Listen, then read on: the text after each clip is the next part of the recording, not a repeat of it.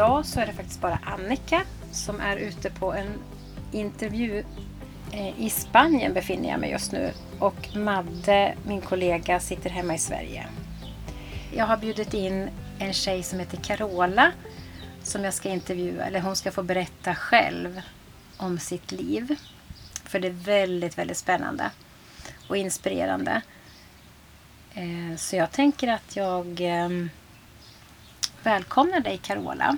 Ja, tack så mycket. Och så ska du få berätta eh, för mig och för våra lyssnare eh, kanske vart vi sitter någonstans och varför vi sitter här eller vad du gör och så här och sen ditt liv som har inspirerat mig till den här intervjun. Då jag började följa dig på Instagram och förstod att du var en ganska modig kvinna som följer din sanning eller det, du söker din sanning inom dig. Stämmer det? Ja. Eh, vi sitter i Spanien just nu i solen eh, i min lilla husbil, 13 kvadrat, som jag har bott i sedan två år. Eh, jag har kört 3000 mil, besökt 14 länder och eh, ja, resan fortsätter. Den är inte färdig. Mm. och allting började ju då jag brände ut mig eh, tredje gången mm. 2020.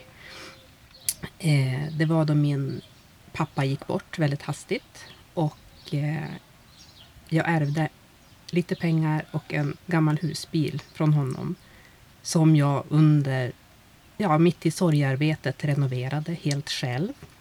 Eh, det tog två månader.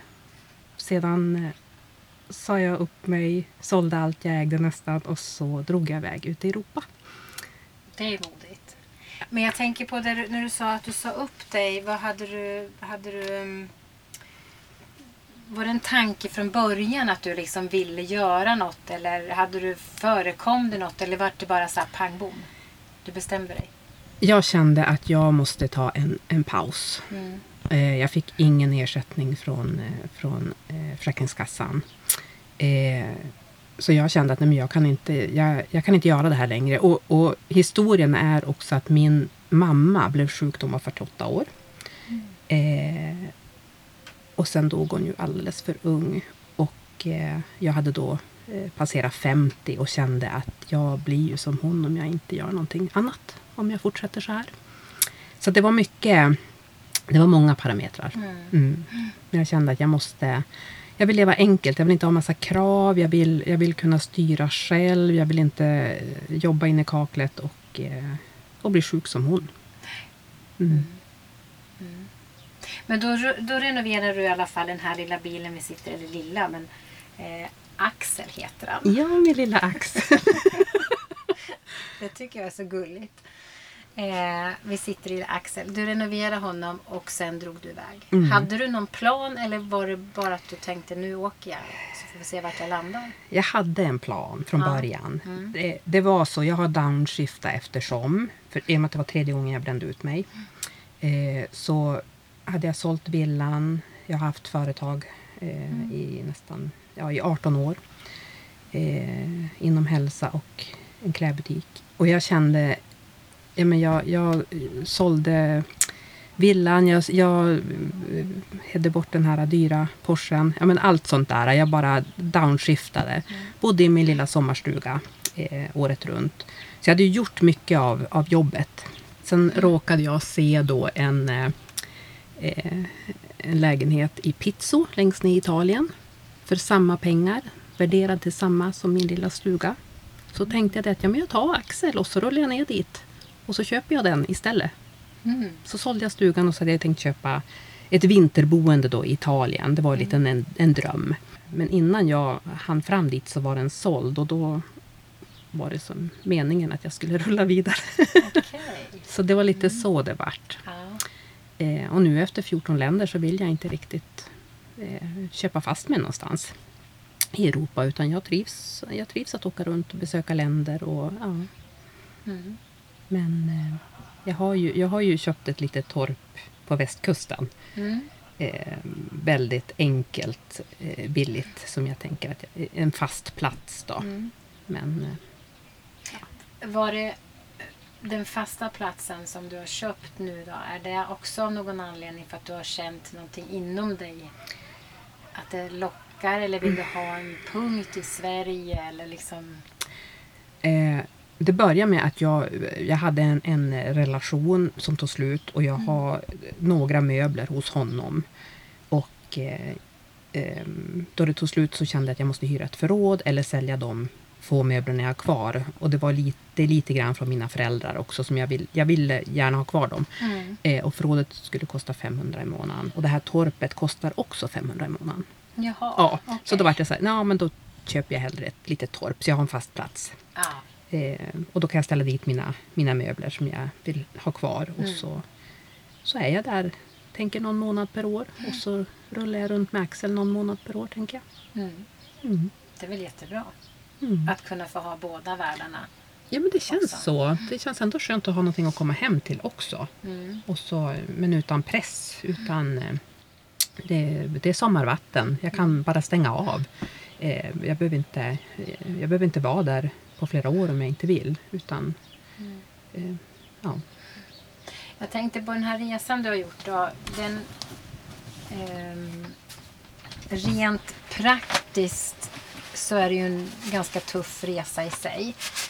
Men känslomässigt, om, kan du minnas liksom hur du började för dig, hur du kände och hur, hur du, vart du befinner dig idag? Um.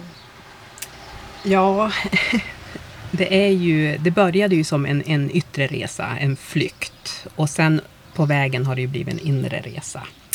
Och den, eh, ja, den resan är faktiskt magisk. Då man bor så här litet och då man inte har någonting annat att ta hand om. Man vaknar med soluppgången. Man, man, man behöver inte bry sig om någonting annat än naturen. Och, och det händer ju någonting med en faktiskt.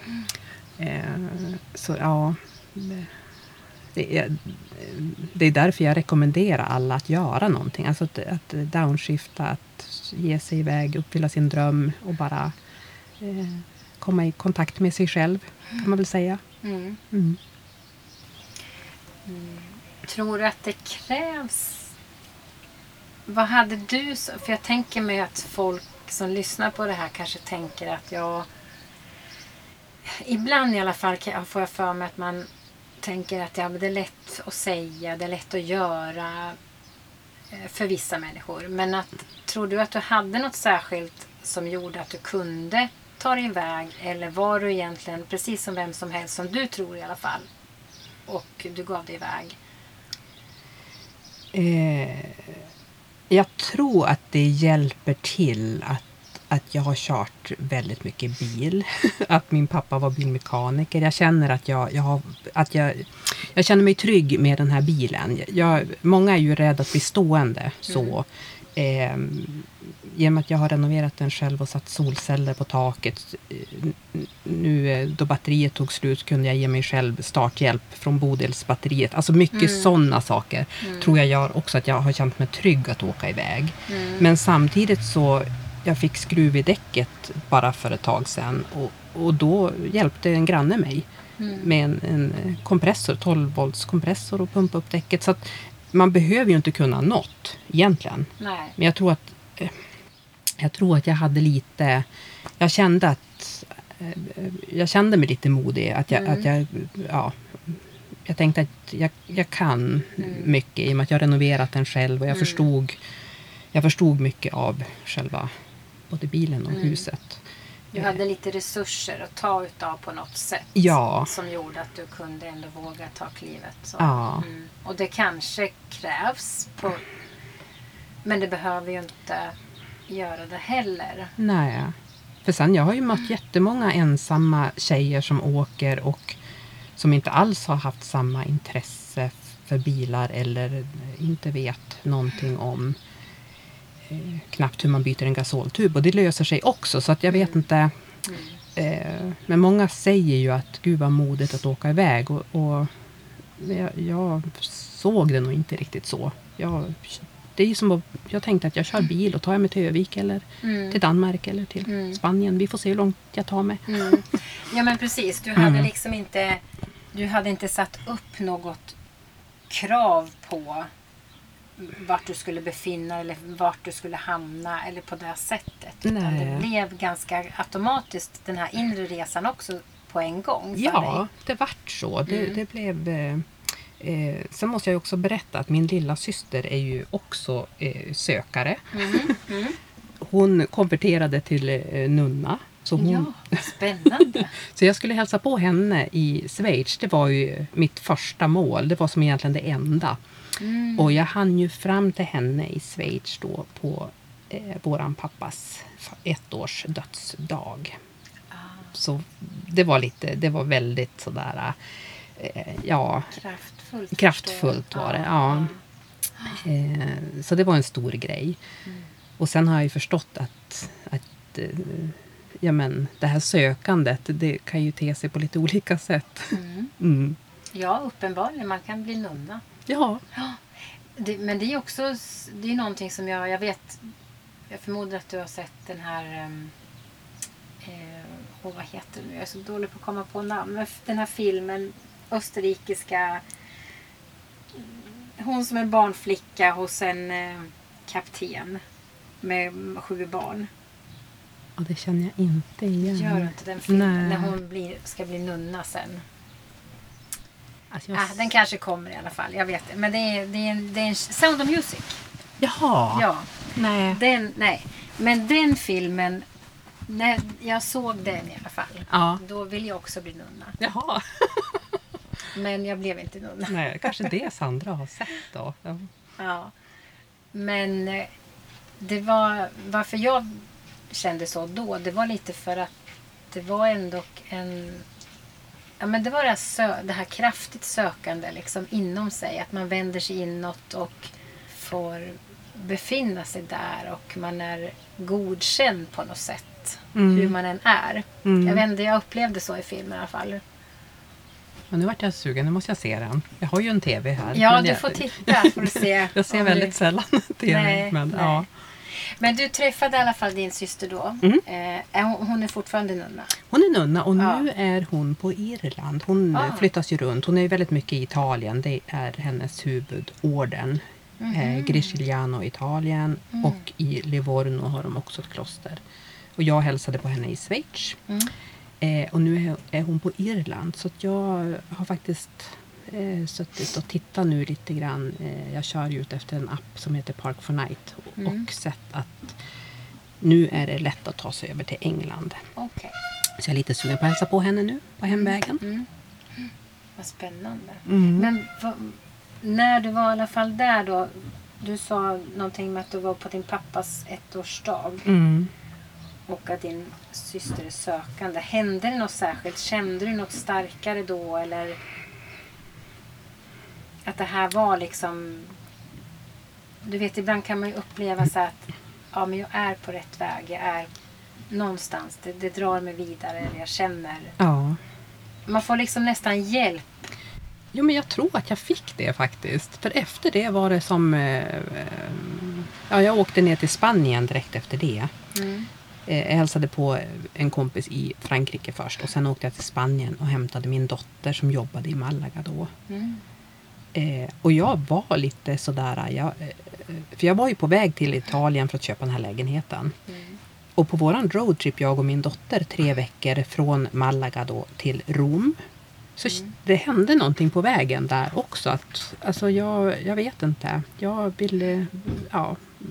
Och jag menar då, då lägenheten var såld också två veckor innan jag kom fram. Den har varit till Mm. salu ett år. Då börjar man ju förstå att ja, men det var ju inte meningen.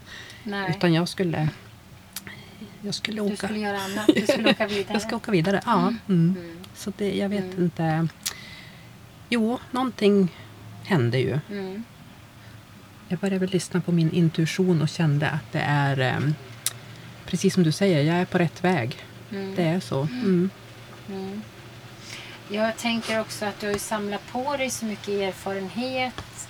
Eh, Jag vet ju också att du skriver ganska fint och förklarar mycket för andra som frågar och inspirerar verkligen andra på, på, på Instagram. Mm. Så jag kan rekommendera att följa henne på Instagram. Vi kommer att lägga ut det också som en länk sen. Men oavsett så tänker jag att ehm, jag tror att det finns många som ändå drömmer om olika saker som har sagt. Och där, finns, där, där är ju du en viktig komponent eller en viktig del för många tror jag. Ja, Kan det vara resan i sig? Att, för hade du fastnat i Italien, vem vet?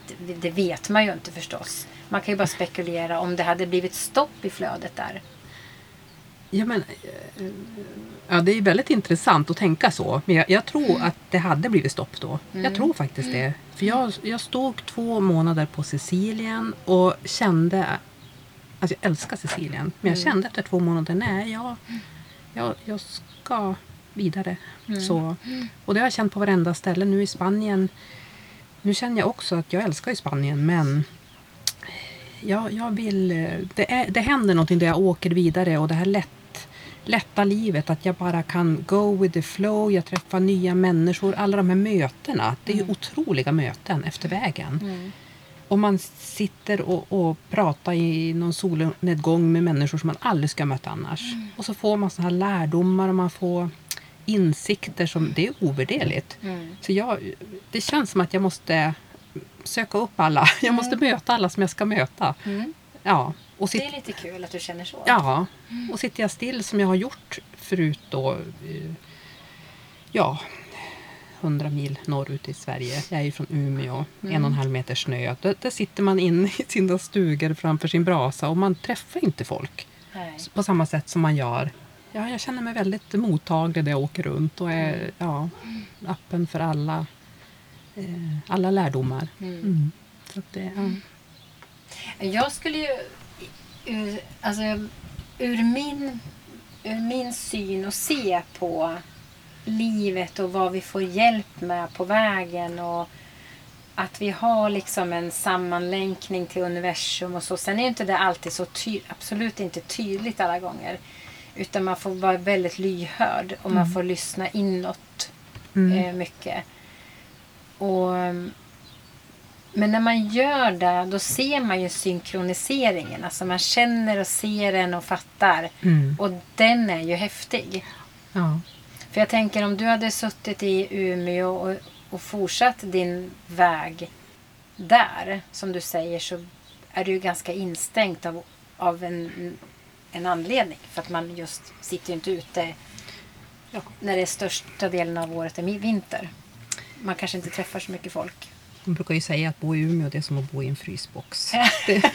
Nio månader per år. Det är mörkt och kallt. Locket stängt. Ja. Ja, det är så det känns. Mm. Och så får man åka runt så här och bara träffa. Jag tror att det är också människor jag träffar ut efter vägen är ju andra, jag brukar kalla dem för fria själar. De har uppfyllt sin dröm, de har släppt taget om det materialistiska. Det, blir, det händer ju någonting då man träffar människor som, är, som lever sitt liv, som följer sin inre röst och känner att Nej, men jag, jag är missnöjd med det liv jag har, jag ger mig ut och gör någonting annat. Och alla på vägen är ju i solen också förstås och värmen, Jo. är ju glada. Mm. Det, det är så. Mm. Inga ledsamheter, inga krav, ingen press. Ingen... Ja, men man får ju verkligen vara den man är. Det blir inte den här ytan, inget sånt finns ju. Utan man, man går runt och svassar och pratar och... Ja.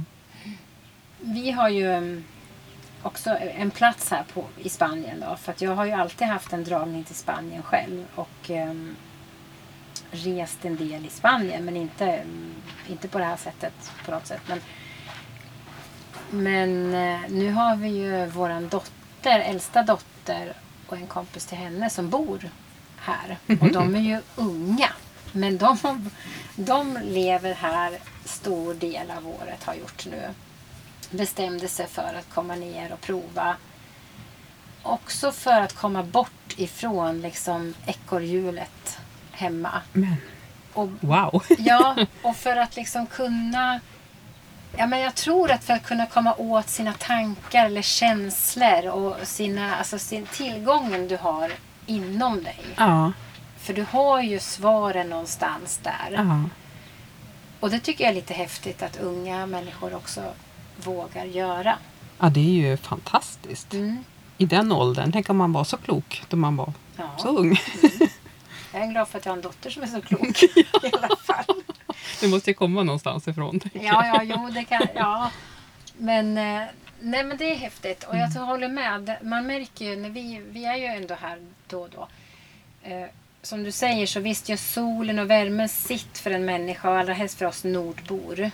Eh, som har mycket kyla och mörker och vi stänger in oss. Men Mm. jag tror inte att det bara är... Det är ju vårt sätt att leva också i Norden. Vi, vi håller oss lite för oss själva på ett annat sätt. Mm. Um, jobbar ju ganska mycket. Ja. Mm. Hur skulle, vad skulle du säga till de människorna? Eller vad skulle du önska att de tog med sig i så fall? Ifrån just det här att kunna våga eller prova eller göra någonting. För att jag tror att många resonerar ju som Nej men det går inte och vi måste ha ett jobb och vi måste och vi måste och det måste. Ja. Alltså. Ja, det är en väldigt bra fråga, men den är ju inte lätt.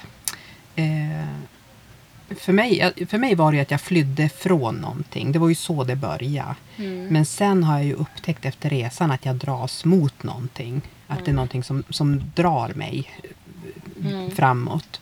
Ehm, och den här skräcken jag hade att jag måste bara bort, den gjorde ju att det var lätt att egentligen skala, skala bort från apelsinen. Mm, det var, mm, det, jag, mm. jag skalade och skalade och kände det att jag, jag vill in till kärnan men jag visste inte riktigt hur jag skulle nå den. Men jag, vill, jag visste bara att det här jobbet kan jag inte fortsätta med. Den här stugan kan jag inte bo i. Det här klimatet vill jag inte ha. Alltså det var Mm. många sådana saker och det gjorde att jag någonstans vågade att släppa det. Mm. Men sen är det ju väldigt fascinerande att jag nu, nu, är jag ju, nu flyr jag ju inte från någonting längre utan nu känns det ju mer som att jag dras mot någonting. Mm. Eh, och just nu är det ju då eh, hemvägen jag funderar på England till exempel. Nästa vinter funderar jag på kanske Grekland. Den sidan. Alltså jag känner ju att, och i och med att jag rör på mig fysiskt Mm. så, rör jag, så händer det saker psykiskt Mm. och inuti. Mm. Så ja, det, det blir väldigt mycket inre resa av Mm. den yttre. Mm. Så jag vill inte stanna av. Nej. Nej, utan jag vill bara, ja. Tror du att det blir svårt att... Mm, jag tror det. Jag tror att det är jättesvårt att stanna av nu. Ja. Eh, nej, jag kan inte. Jag, eh, det är ju också... Nu låter jag väldigt bortskämd, men jag tittar ju på min app på dagarna. Var är det finast väder? Och så kör jag ju dit. Mm. Det- Jo, men det förstår jag. Ja. Det, det skulle ju vem som helst göra. ja, Ja. och det är ju fördelen med att bo då på jul. Eh, Mm. 13 kvadrat. Och jag har ju...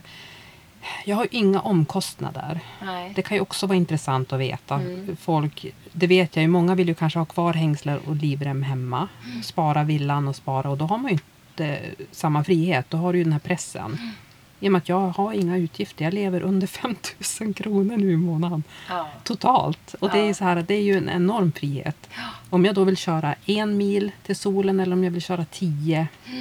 Nu är jag ju lite miljömedveten också så jag försöker att följa en, eh, ja, inte allt för mycket körande men Mm. ändå. Eh, det, det, är ju, det är ju så himla fritt att bara känna att ja, men dit, dit vill jag och så kör jag Mm. dit.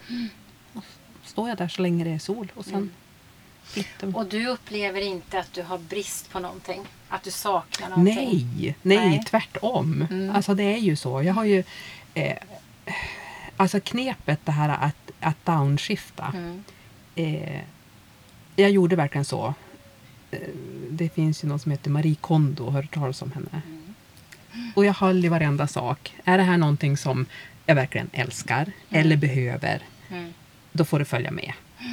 Annars så har jag sålt eller gett bort eller slängt. Och jag har, ja. Mm. Eh, så jag, jag har ju bara, bara prylar, nästan inga prylar, men de jag har det är ju sådana som jag använder och som jag behöver. Och, och, ja.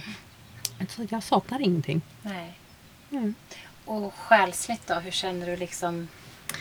Ja, men man blir ju som lätt i själen då man är lätt eh, med prylar. Det Mm. hänger ihop. Det gör Mm. faktiskt det. Mm. Ju mer jag gör mig av med saker som eh, kräver måsten, tid, pengar, energi. Allt sånt. Då man gör sig av med sånt då blir det ju väldigt, ja, det blir väldigt lätt att andas på något sätt. Det blir väldigt själsligt fritt. Ja. Mm. Det, det- här trodde jag ju inte på för några år sedan. Men jag har ju verkligen fått uppleva det nu. Mm. Då man bara, då man bara är. Det blir ju inte, det blir inte som hemma i Sverige där man döms utifrån vilket jobb man har eller vilka kläder man har eller vilken frisyr. Ingenting. Utan här är det ju... Man värderar inte liksom längre. Nej. Utan det, det är Mm, hela tiden är varje dag en ny dag med nya upplevelser och påfyllnad på sin själ. Alltså jag kan tänka mig i alla fall att det blir...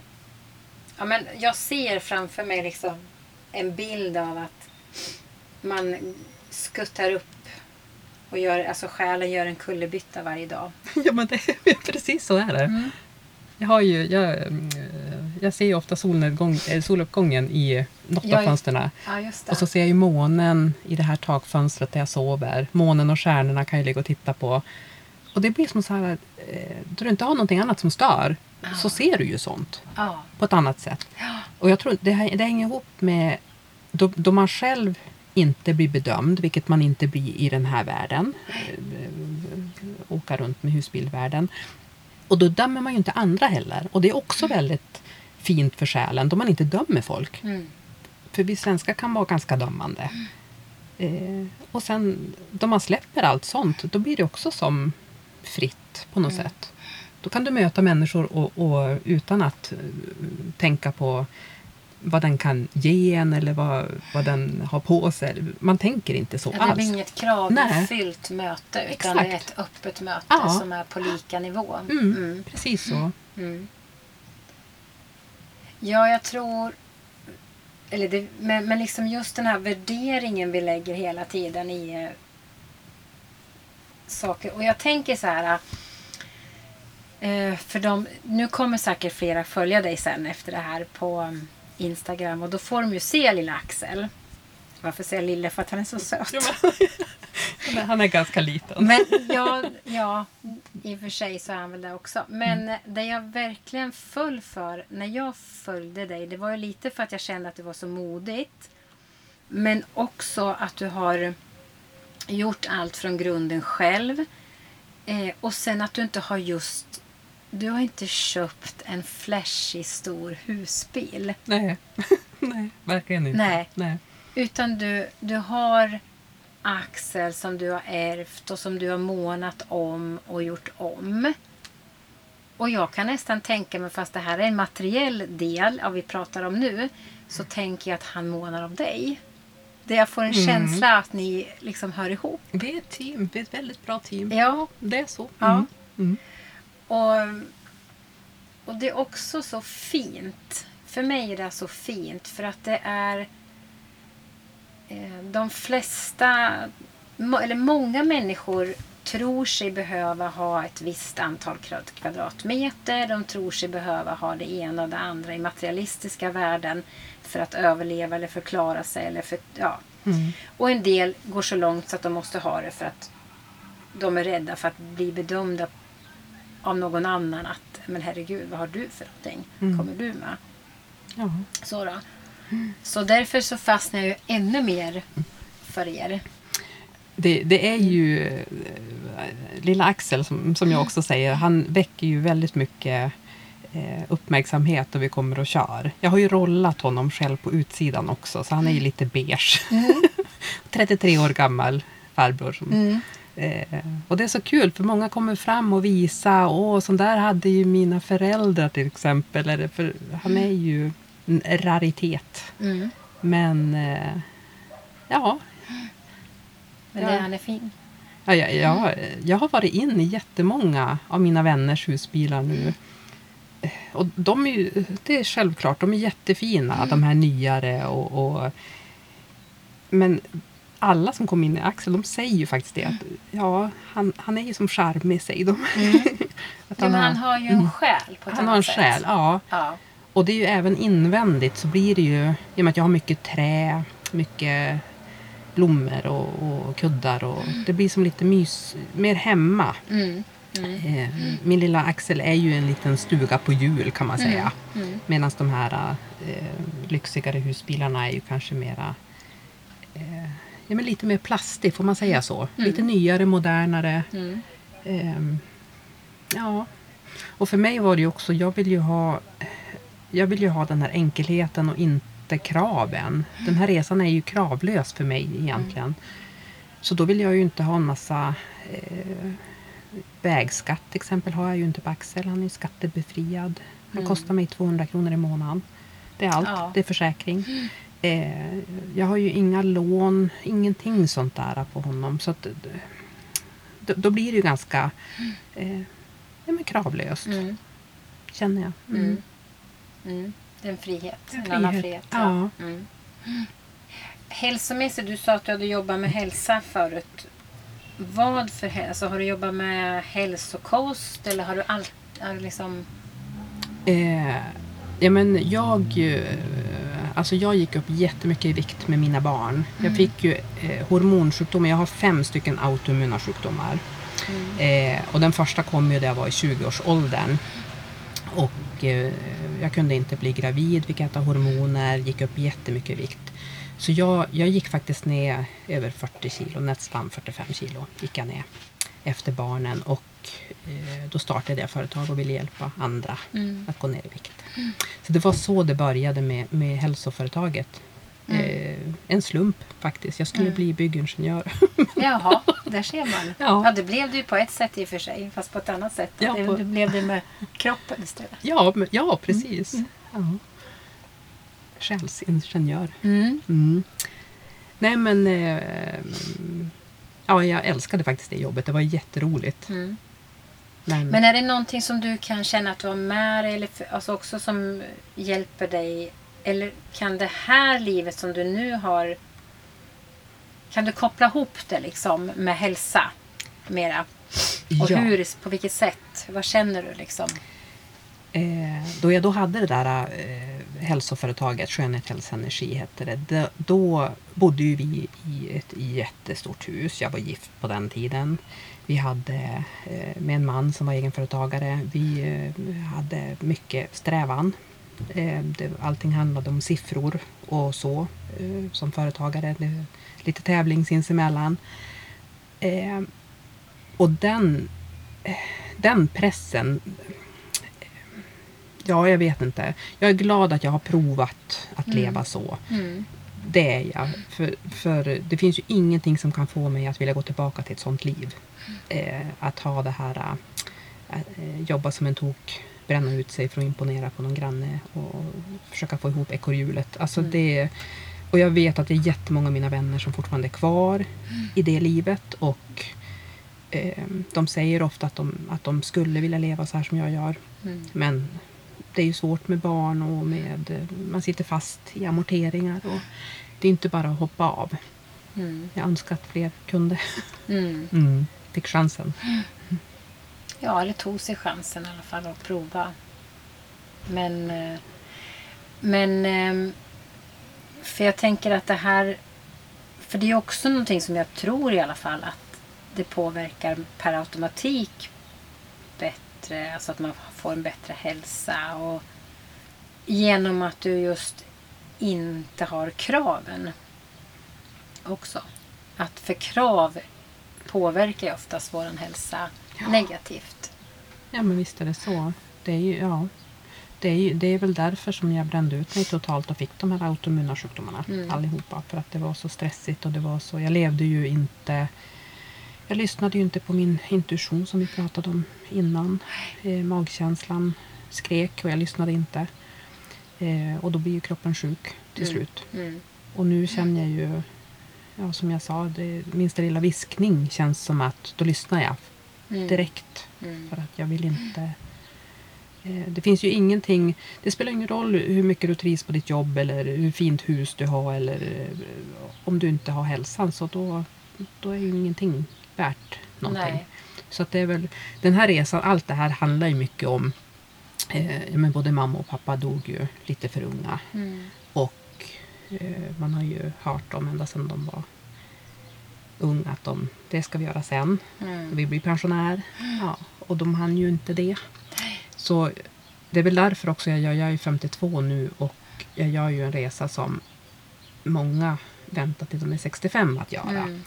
Eh, och det är ju just för att jag vet ju inte ens eh, om, jag, om jag blir pensionär. Nej, Eftersom kvinnor... Nej. nej. det vet vi ju Eller inte är någon ing- egentligen. Nej, någon vet, nej, precis. Men har man föräldrar som är friska uppe i 90-årsåldern då kanske man kan vara ganska säker på att jag hinner. Ja, ja eller, Jag vet alltså, inte. det vet man ju inte. Alltså, jag tänker också så här. Jag blir också lite ledsen när folk säger att jag ska göra det här när, det, när jag blir pensionär. Mm. Då brukar jag säga, nej men fundera på ett varv till om du inte vill göra det nu istället. Om du kan göra någonting. Kan man inte göra, om det, om det är stora drömmar tänker jag som kostar på mera. Vare sig det är tid eller pengar eller processer eller att det liksom sitter hårdare. Så kanske man ändå behöver fundera i alla fall. Kan jag möta min dröm på halva vägen? Mm. Ja, För vi vet inte, ingen vet när vårt liv går vidare om man säger så. Ehm, nu tror ju jag på ett liv efter det här. Mm. Ehm, men alla gör ju inte det. Men oavsett så vet vi inte. Och vi har det här livet just nu som vi ska Mm. ta hand om och vårda. Ja. Mm. Så det är jätteklokt, tänker jag. Att, ehm, har du funderat på om det var en slump? Tror du att det var en slump att allt det här hände och du for iväg? Eller tror du att det fanns någon... Jag tror jag har fått hjälp. Mm. Lite så tror jag faktiskt. Jag trodde ju inte det från början men nu har jag börjat tro det. Eh, jag, har ju, jag har ju då råkat köra på två hjul i Frankrike. Jag har, jag har kört genom över, ja, alltså jag har kört på cykelstigar i branta backar. Du vet, jag har hamnat på sådana ställen där jag tänker att nu får jag nog lämna min lilla bil. Men eh, helt plötsligt så det har löst sig. Allting. Så jag tänker att jag har nog, jag har nog någon som följer med mig på vägen. Det Mm, tror jag. Mm. mm. Det tror jag med. Ja. Eh, men sen tycker jag så intressant också. Jag har faktiskt träff, de flesta jag träffar är ju över 65. Så, Mm. så är det. De flesta mm, åker iväg då. Men jag har träffat några som har varit i min ålder och de gör så. Eh, de har ju då dyrare husbil och kanske fortfarande ett boende hemma. Ett, eh, men de gör ofta så att de reser iväg på vintern och så åker de hem och jobbar på sommaren. Ja, just det. Mm. Mm. Så gör många. Eh, de jobbar halvårsvis hemma, Mm. säsongsjobbar. Mm. Och då kan man åka iväg. Så det finns ju, som du säger, att man kan ta halva drömmen. Ja, att man kan möta det och våga i alla fall. Ja, Och för vissa människor, det är ju inte alla som kanske känner att de mäktar med att ta det där stora klivet eller modet att, för att ta sig. mm. Men prova i alla fall. ja, Ta ett halvt steg och se vad som händer. ja. Och vad man möter. Och man måste inte göra som jag och, och sälja allt och, och totalt. Utan man kan börja lite, Mm. eh, ta lite små steg. Mm. Mm. Mm. Sen det ena ger ju det andra. Ja men ofta så gör det ju det. Mm. Men då har du ju ändå fått den där äh, skjutsen Ja. någonstans. Och du Mm. har lite mer råg i ryggen och du har liksom alltså lite mer kraft och lite mer äh, mod kanske. Ja. Mm. Så, och jag, jag tänker att jag kommer till att måste jobba så småningom. Eh, jag har inte jag får ju inga pengar alls nu. Jag har ingen pension och ingen Försäkringskassa, ingenting. Utan jag lever på sparade slantar. Det är därför jag lever billigt. Men det kommer ju inte att räcka. Tills, Inte hela livet Nej. kanske. Jag menar, vad är det, 67? Det är ju 15 år kvar innan jag får pension. Mm. Mm. Så, men jag kände att jag behövde verkligen eh, ge mig själv den här resan. Mm. Eh, det var någon, jag, jag, menar, jag, jag måste göra den. Det var så Mm. jag kände. Jag måste, Mm. jag måste dra. Mm. Eh, och sen, eh, ingen vet ju ändå om 15 år var, vars, vars vi är. Nej. Många undrar också med din pension då? Tänk om du inte får något jobb? Alltså det är mycket rädslor. Mm. Och då tänker jag det att ja men ja, eh, alltså eh, jag kan alltid få något. Jag tänker eh, antingen får man någonting här i Spanien Mm. eller så kan man jobba på något dagis eller någonting Mm. hemma i Sverige. Alltså jag tänker eh, Det jobb. löser sig. Ja, Mm. Det tror jag med. Eh, Jag, jag satt, kom på en sak nu på det sättet du sa det nu. Så, så jag, idag så lyssnar jag på en, en annan podd som, där de tog upp om det här med blå zoner. Har du Mm. hört talas om det? Mm, de här Mm. sju. Med, Mm. ja, De tror väl att det finns eh, flera platser i, på värld, i världen som har kallas för blå zon. Men de, Mm. det är väl de här som mest är kända i alla fall. Ja. Och bland annat så finns det en på Sardinien. Mm. Eh, och sen en utanför Japan. Mm. Eh, Kalifornien har. Kalifornien har du. Mm. Någon Grekland. också. Ja, i Grekland finns det också. Sen kommer jag inte ihåg någon fler faktiskt. Men, men oavsett vad man då har eh, sett någonstans är ju att de egentligen så är det inte så anmärkningsvärda saker de gör. Nej.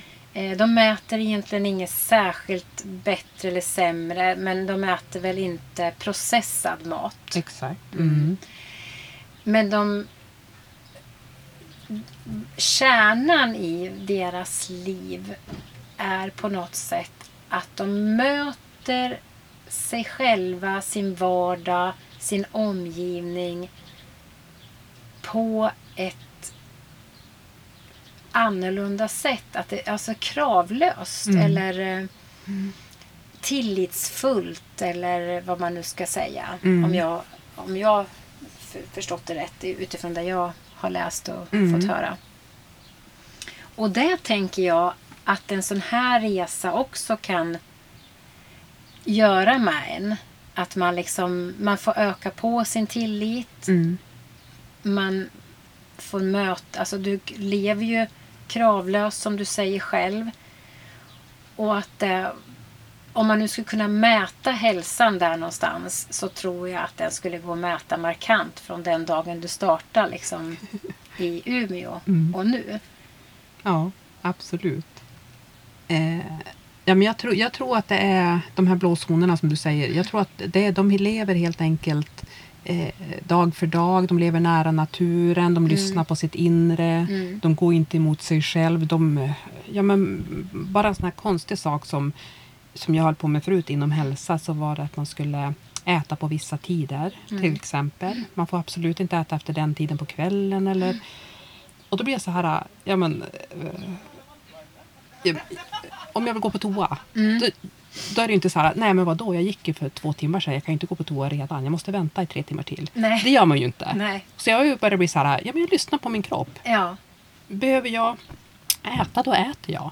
Då jag, jag äter det jag är hungrig, jag slutar där jag är mätt. ja. Jag går och lägger mig där jag blir trött. Jag stiger upp där jag vaknar och då vaknar jag, i och med att jag inte har någon väckarklocka, jag vaknar ju pigg och glad. Mm. Och så klättrar jag ner från min loftsäng och har inte ont någonstans. Jag är utvilad. Alltså jag följer verkligen rytmen och jag tror att det- jag vill tro att det är så man lever i de blå zonerna. Jo men det tror jag Mm. att det är Mm. eh, så. Att det liksom det, skaver inte på det sättet Nej. som det gör för många andra. För att Nej. man går emot sig själv Ja. många gånger. Eh, i, eh, ja men som du säger, man, man, man känner sig tvungen och man, man har måsten som gör att man ställer klocka eller ja, allt det här. Eller bestämmer själv att nu ska det vara så här. Att Ja. man sätter upp regler för sig Ja. själv. Ja, Mm. Det är ju så, sånt som jag har gjort i hela mitt liv. Mm. Satt upp regler. Och nu, jag sätter inte upp några regler. Jag, alltså jag, jag, är jag törstig så dricker jag. Mm. Punkt. Ja, är jag precis. trött går jag och lägger mig. Ja. Det, det, är- ja, Mm. det är väldigt, väldigt skönt att, att ge... Jag känner ju hur jag litar på min egen kropp. Jag litar ju på mig själv. Jag brukar prata med min, min inre lilla Carola där Mm. inne. Och så, jag lyssnar verkligen. Mm. Ja, men är du trött? Ja, men då går vi och lägger oss. Mm. Så. Vad fint. Ja, men jag tror att det är det, det är ju det som har gjort att folk är så utbrända idag. Mm. Jag tror det. För man, man lyssnar inte. Man, man, man bestämmer bara. Mm. Så här ska det vara. Mm. Du får minsann inte sova förrän du har gjort det. Eller du får inte vila förrän du har gjort det. Mm. Nej men det där är så tokigt. Alltså jag blir galen på sånt där. Jag Mm. själv... Och det vet jag att Madde och jag pratar ofta om att eh, just det här... eh, När någon säger att du får inte, då Mm. blir jag direkt... Då, då, då, då, då spänner jag min båge och tänker vadå får inte? Ja. Vem har sagt det? Ja. Mm. Och, och likadant, så här är det. Mm. Nej men vadå, varför kan det kan vara på det här sättet eller på det här sättet? Ja. Eh, Alltså jag blir lite, jag får lite utslag eller allergisk Ja, emot jag sånt. Mm. Tyvärr så har jag väl ändå liksom att man är ändå indoktrinerad i samhället för mycket ibland. Men jag tror, eller jag vet att jag lyssnar mycket mer på mig själv även om jag befinner mig i systemet som jag kallar det ofta för. Um, där jag jobbar eh, så. Men jag försöker att skapa mig en så stor frihet jag kan Mm. i det systemet. Bra. Eh, För, för jag känner att det är viktigt. Och framförallt så är det nog det här att det finns inga måsten. Utan jag, lever, jag försöker nog leva efter att eh, möta varje människa precis här och nu. Mm. Vad kan den här människan hjälpa mig med Mm. i mötet? Mm. För det tror jag, Det är ju så vi växer och lär Ja. oss. Och, ja. Ja. Mm. och det borde du känna, eller känt många gånger att den här stunden jag fick med det här paret eller den här Ja. människan Mm. har ju faktiskt gett mig det här. Ja. men jag känner så varje dag. Ja. Helt, Och visst blir man lite lycklig då? Ja, man blir verkligen lycklig då. Mm. Att, att man gav sig själv, och som du säger, det finns inga måsten. Men man gav sig själv den stunden Mm. att ja, men, ta in det. Mm. Istället för hemma i Sverige kanske, ja, men, jag vet inte hur du lever till vardags, men som jag levde. Hade aldrig tid att prata med gamla Agda som kommer fram och, och ville prata om, om, om livet. Det hade man inte tid med. Man bara rusar vidare. Mm. Här har man all tid i världen Mm. och bara men ta, ta till sig lärdomarna man får. Mm. Ja, Nej, jag, jag gör väl i och för sig, jag jobbar ju som sjuksköterska och jag jobbar ju som eh, bland annat. Eh, sen jobbar jag ju och, och mitt jobb består i att jag, liksom det är patienter som befinner sig i, i livets slutskede. Så att det, det är ju liksom ett speciellt område att jobba i. Och det är ju viktigt, för, för mig är det jätte, jätteviktigt att just befinna mig där och då. ja jag förstår. När jag är där. Ja. Så att jag eh, är nog ganska duktig på att skala av Ja, min omgivning och befinna mig i den stunden med en människa i ett det möte. måste ju vara jättetrevligt att jobba med ett sånt jobb och få den här äh, lärdomen från Mm. alla, Mm, tänker jag. mm. Det är det. Jag brukar ofta säga att det är fantastiskt.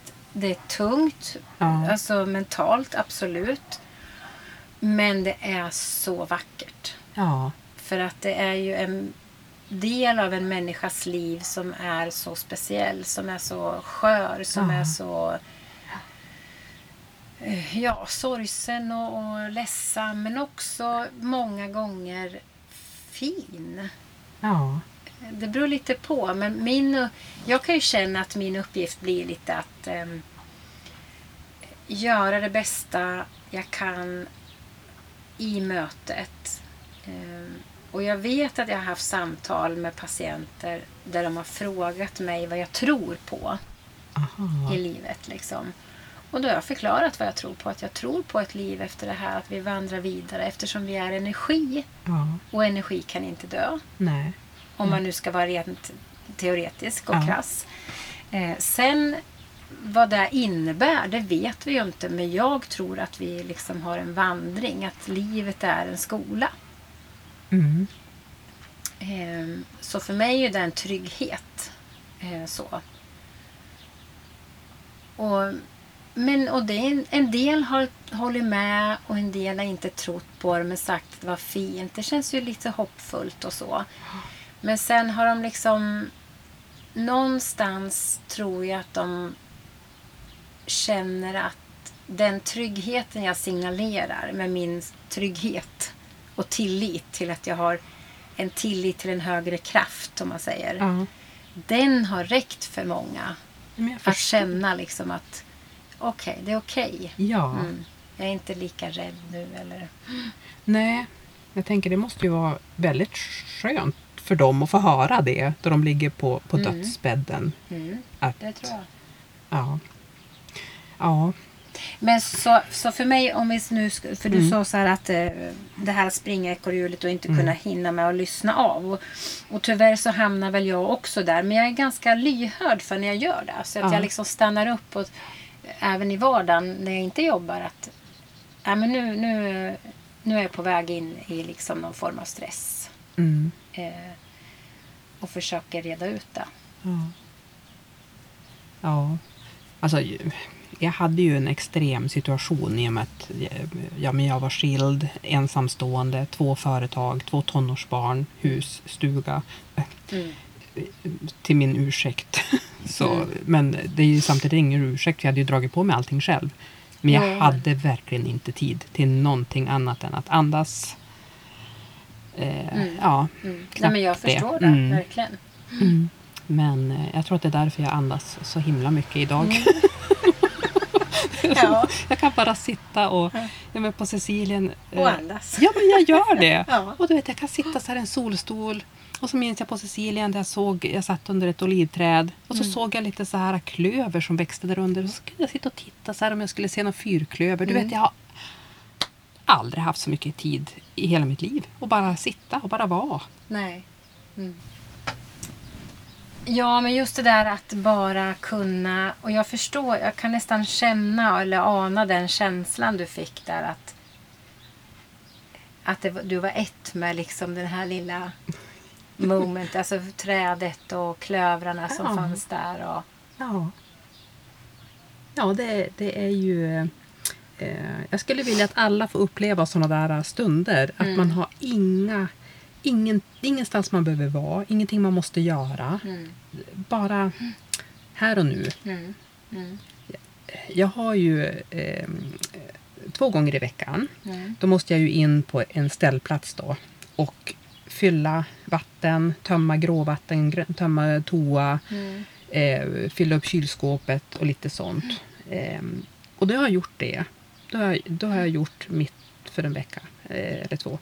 Och så, Sen åker du ut i det fria igen. Ja. och så sitter jag och tittar på klöver. Det, Ja. det, låter ju, det låter ju helt sjukt. Vad gör jag med all tid? Men jag har faktiskt inte tid med något annat. Nej. Nej.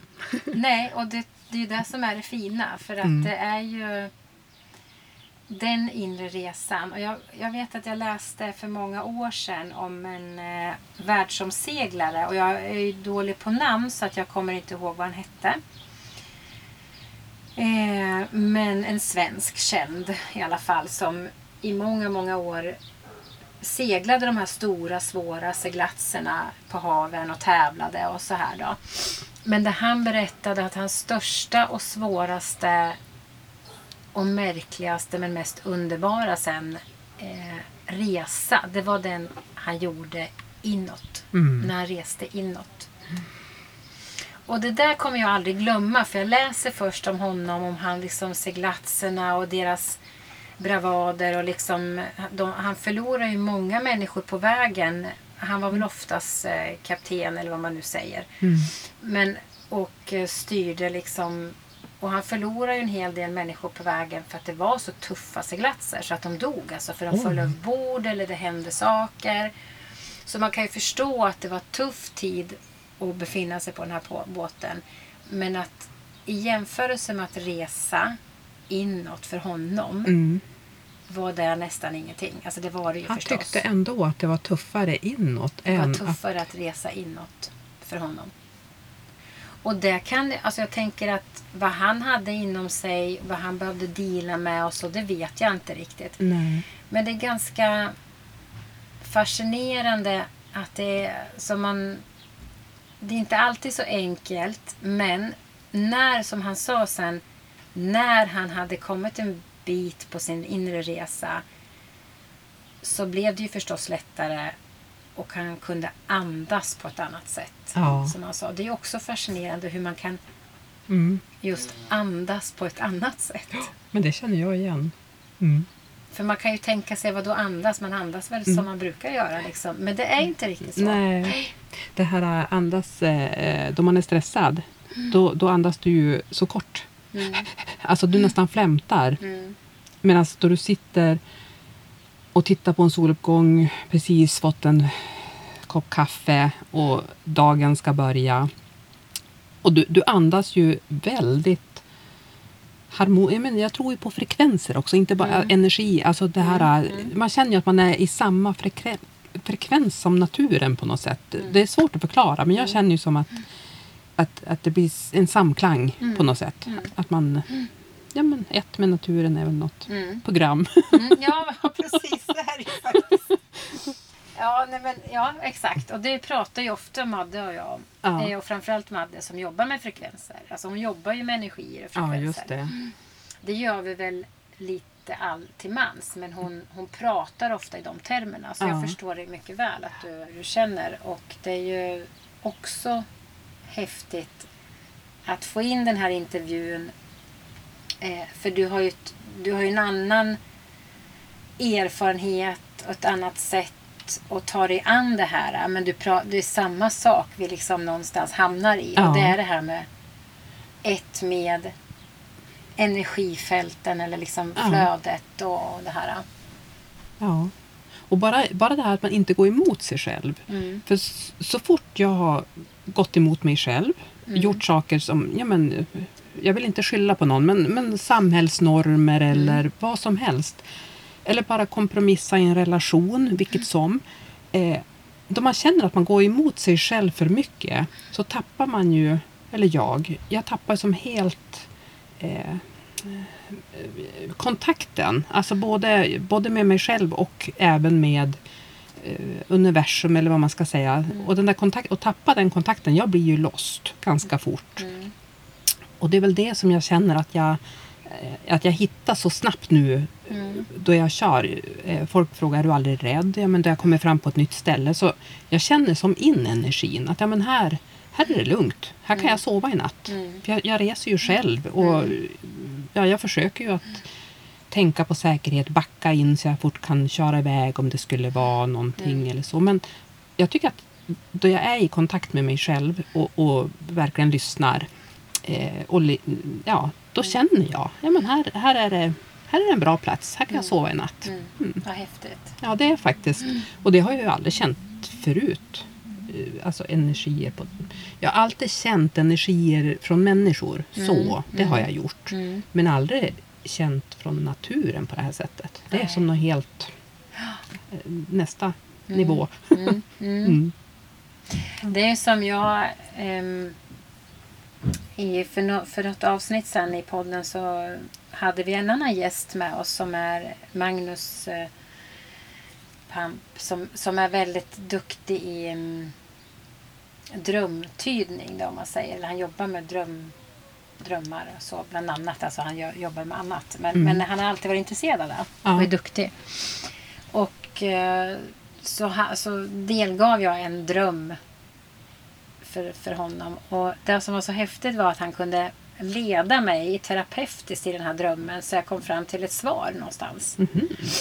Du kan lyssna på det Ja, avsnittet. det, får ja, men det ska jag Mm. absolut göra. Eh, men, och just där, och drömmen sa väl egentligen ingenting om naturen, men det svaret jag hade inom mig var att jag vill jobba med stresshantering och med naturen. Alltså att jag vill få ihop det på något sätt. Ah, intressant. Ja, eh, för jag älskar ju naturen. För mig är den ett jätte, jätteviktigt element Ja. för min egen del personligen. Och jag har ju, den har ju gett mig en release och en återhämtning och en läkning. För jag har själv varit utbränd också då, för många år sedan. Mm. Men, och, och djuren och så här då. Och jag, för, jag förstår dig när du liksom säger att just naturen pratar Ja. till dig. För det gör den ju. ja. Och den gör ju det utan att vi tänker på det. Men när vi börjar tänka på det så finns det en enorm kraft där. Mm. Ja, men de här elementen eh, har man ju bara hört talas om. Jag har aldrig riktigt tänkt på dem. Det här med vind och sol och jord och vatten. Eh, men nu, jag får ju det varje dag nu. Mm. Och det är därför jag känner mig så jordad och så energisk och, och ja men allting. Och det kommer ju därifrån. Man förstår ju att det, är, att det hänger ihop. Mm. Eh, det finns väl en anledning höll jag på att säga varför vi blir nedgrävt efter det är Mm. slut. Alltså på Mm. något sätt. Det är ju, Mm. ja, det, allting hänger ju samman. Mm. Ja, absolut. Det, det gör det ju. Att, ehm, har du själv funderat på, du sa här för en stund sedan att ja, du kommer kanske att eh, eller behöva jobba så här då. Men Mm. den här resan du gör nu, tänker jag, för mig, jag känner ju att det kommer vara därifrån, utifrån den som du kommer ha jobba med någonting. Ja, jag tänker ju så också. Jag, jag, jag tänker att det, det kommer till mig den dagen jag är redo. Lite så tänker jag. Eh, och just nu så, så har jag fullt upp med att söka igen mig själv varje dag. Vad säger jag nu? Ehm, och jag utvecklas, alltså jag utvecklas enormt mycket. Jag förstår inte vars det ska ta slut riktigt. För det, det händer någonting varje dag känner jag. hur jag eh, Och är jag på väg åt fel håll så känner jag det ganska direkt. Och så måste jag in på rätt spår igen. Ehm, ja, men min pappa kallade mig hit och dit Carola när jag var liten. Så jag är ju lite en sån här... Jag, eh, jag studsar lite emellan. Eh, och är väl kanske inte... Jag känner mig ju väldigt läkt, men jag är ju inte stark nog till att ta jättesteg. Utan det är små, små myrsteg varje dag åt rätt håll. Och så tänker jag att jag kommer dit jag ska så småningom. Absolut, det kommer du ju absolut göra. Ja. Jag vet inte. Ja. Och hur mycket kraft det finns inom en. Alltså hur mycket, liksom som du sa, du tänker att ehm, ja, du vet, hur mycket kan det liksom behövas och hur mycket ska man, vad ska man göra, liksom, hur länge kommer det fortsätta? Eh, men jag tänker också att det vet man ju inte och jag tänker, så länge vi lever fortsätter ju resorna. Ja, Så är det ju. Mm. Och sen fortsätter den i en annan form, tänker jag. Ja. Eh, så den slutar ju aldrig. Nej. Eh, nej. Utan det kommer bara ett, ett nytt skede, en ny fas där man känner att nu kliver jag in här istället eller nu åker jag dit eller nu gör jag det här. Och det Ja. blir naturligt när man känner Jag brukar ibland tänka att jag har varit ute på 35 års villovägar. jag är lite grann tillbaka där jag var där jag var 16, typ. Då körde jag ju en, en eh, långsam, ganska stor epatraktor som luktar diesel. okej. ja. Och nu ute och kör med Axel. Mm. Eh, och då var jag ju väldigt mycket djur och natur och ja, men lite mera Mm. satt och virka och sticka. Och nu sitter jag, kom jag på mig själv att helt plötsligt har jag börjat, det gjorde jag ju inte. De här 35 åren har jag inte haft tid med sånt. Och det sitter Nej. jag och gör nu. Jag är som tillbaka i någon sluten cirkel, eh, kroppsligt då. Ja. Och det är väl nu först då jag är tillbaka på min, där jag hör hemma. ja. Där jag, Du hittar hem i ditt, det här livet. Så. I det kroppsliga, Ja, då har jag ju energin och orken till att utveckla mitt själsliga. För det har Mm. ju Fått stått undan. Ja, det har fått stått undan för att jag har sökt det yttre så mycket. eh, på, ja, men, bara det här, jag som inte ens gillar mode, hade en klädbutik. Alltså, snacka om att jag har Ah. sökt så. Och bara, varför hade jag det? Jag förstår inte. Men jag skulle väl lära mig någonting av det också, Ja. kanske. Ehm, så att nu, nu känner jag att jag är tillbaka kroppsligt där, jag, där jag trivs i en gammal diesel. Och virkar. Och, Och virkar och, och reser har jag alltid gillat att upptäcka. Så jag tror att det, där- det, det är därför min själ nu helt plötsligt poppar upp. Den får plats. Jag tänker lite så men Mm. jag vet inte. Jag tänker ju mycket på dagarna. Ja. Men du känner ju också. Ja, jag För annars skulle du inte, eh, som du säger, att kunna känna av åt vilket håll som blir fel eller vad som blir rätt eller, eller det här behöver jag eller det här behöver jag inte. För det säger du ju. Ja. Så att du känner ju. Det är inte bara att du tänker utan du känner ju. Ja, men det är ju precis det. Nu sa du ju rätt. För i 35 år har jag ju tänkt mer. Mm. Då har jag ju tänkt att om jag gör så här så blir det nog bra. Och nu är, tänker jag ju inte så. Nej. Utan jag känner ju mer. Mm. Mm. Och så blir det ännu bättre. Ja, men det blir ju det. Mm. Det är nu det blir som rätt kan Ja, man säga. ja, Ja. mm. Mm. Det tog lite tid bara. Ja, men det är, det är ju också så här, tiden den existerar ju inte på det sättet egentligen. För att själen ska ju vandra vidare och den ska ju lära sig och den har inget stopp och det finns inget slut.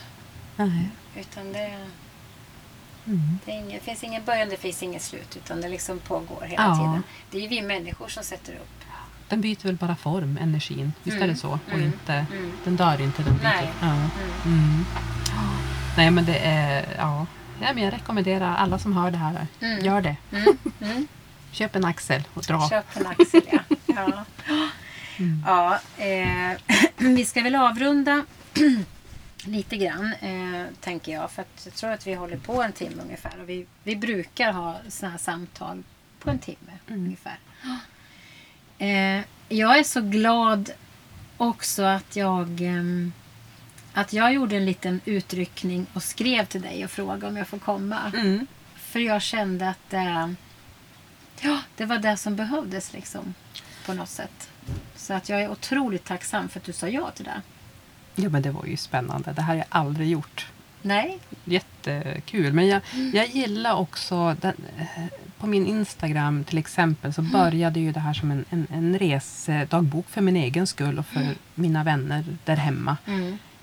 Men i och med att min inre resa har, har exploderat Mm. så har jag ju fått så många som, som eh, ger så mycket, frågar så mycket Mm. och vill veta. Och, Mm. De inspireras av dig. Ja, Mm. så då du skrev till mig tänkte jag ju det också att det kanske är någon som behöver Mm. höra det här Mm.